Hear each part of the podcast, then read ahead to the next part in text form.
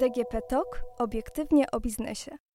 To już pewne. Od 1 sierpnia 2 miliony podatników w ogóle nie zapłaci podatku.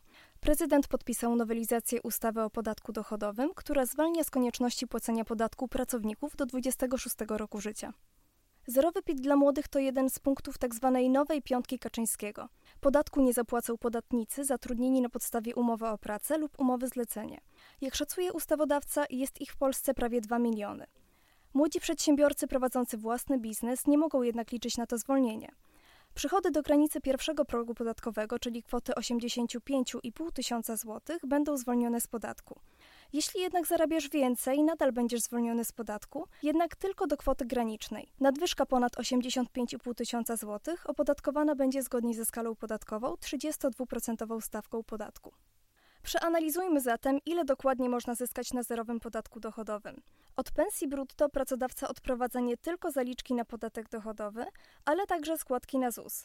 Z nich niestety nikt nie jest zwolniony.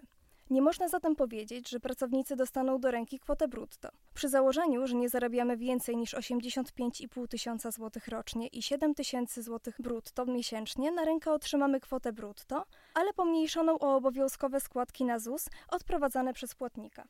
Przy minimalnej pensji równej 2250 zł brutto po odliczeniu składek na ubezpieczenia emerytalne, rentowe, zdrowotne i chorobowe zyskujemy kwotę 133 zł, która dziś stanowi zaliczkę na podatek dochodowy. W skali roku to prawie 1,5 tysiąca złotych więcej w kieszeni podatnika.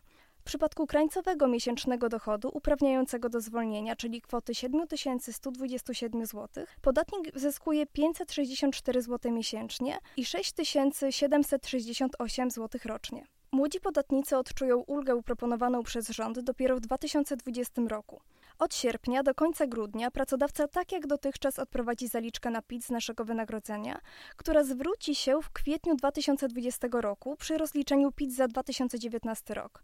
Jeśli wówczas złożymy zeznanie w formie elektronicznej, zwrot podatku otrzymamy najpóźniej w ciągu 45 dni. Pamiętajmy, w tym roku ulga obowiązuje tylko przez 5 miesięcy, od sierpnia do końca grudnia. Oznacza to, że limit uprawniający do zwolnienia z PIT w 2019 roku nie wynosi 85,5 tysiąca złotych, lecz proporcjonalnie mniej, ponad 35 tysięcy złotych. Osoby, które w 2019 roku kończą 26 lat, także skorzystają ze zwolnienia.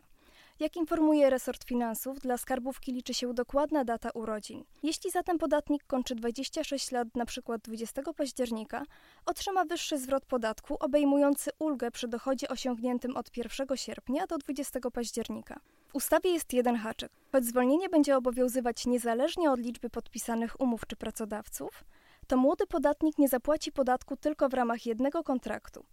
Jeśli podatnik ma wielu pracodawców, najkorzystniej wykorzysta zwolnienie wybierając tego, u którego zarabia najwięcej. Pozostali pracodawcy powinni otrzymać od niego stosowne oświadczenie o niestosowaniu zwolnienia. Stosowanie zwolnienia przez dwóch lub więcej płatników mogłoby spowodować, że podatnik musiałby dokonać w rocznym rozliczeniu podatku znacznej dopłaty. Jeżeli podatnik złoży płatnikowi pisemne oświadczenie, w którym stwierdzi, że jego przychody kwalifikują się do zwolnienia z podatku, płatnik nie będzie pobierał od nich zaliczek na podatek. Jeśli takiego oświadczenia nie złoży, zaliczka zostanie pobrana. Choć nowa ulga to znaczne zyski dla najmłodszych pracowników, należy pamiętać, że to także dodatkowe obciążenie dla ich pracodawców. Podsumujmy. O czym musi pamiętać pracodawca? Po pierwsze, od sierpnia musi kontrolować wiek zatrudnionego i wysokość zarobków uprawniających do ulgi. Musi także pamiętać, by nie odprowadzać zaliczek na PIT, jeśli pracownik złoży w firmie stosowne oświadczenie. Czy zerowy podatek podoba się wszystkim?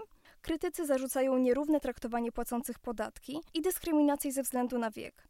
Istnieją też obawy, że pracodawcy ze względu na niższe koszty pracy i większą opłacalność zatrudniania młodych nie będą zainteresowani doświadczonymi pracownikami. Zerowy PIT nie kończy się zatem tylko na większych zarobkach. Może także przynieść spore zawirowania na rynku pracy.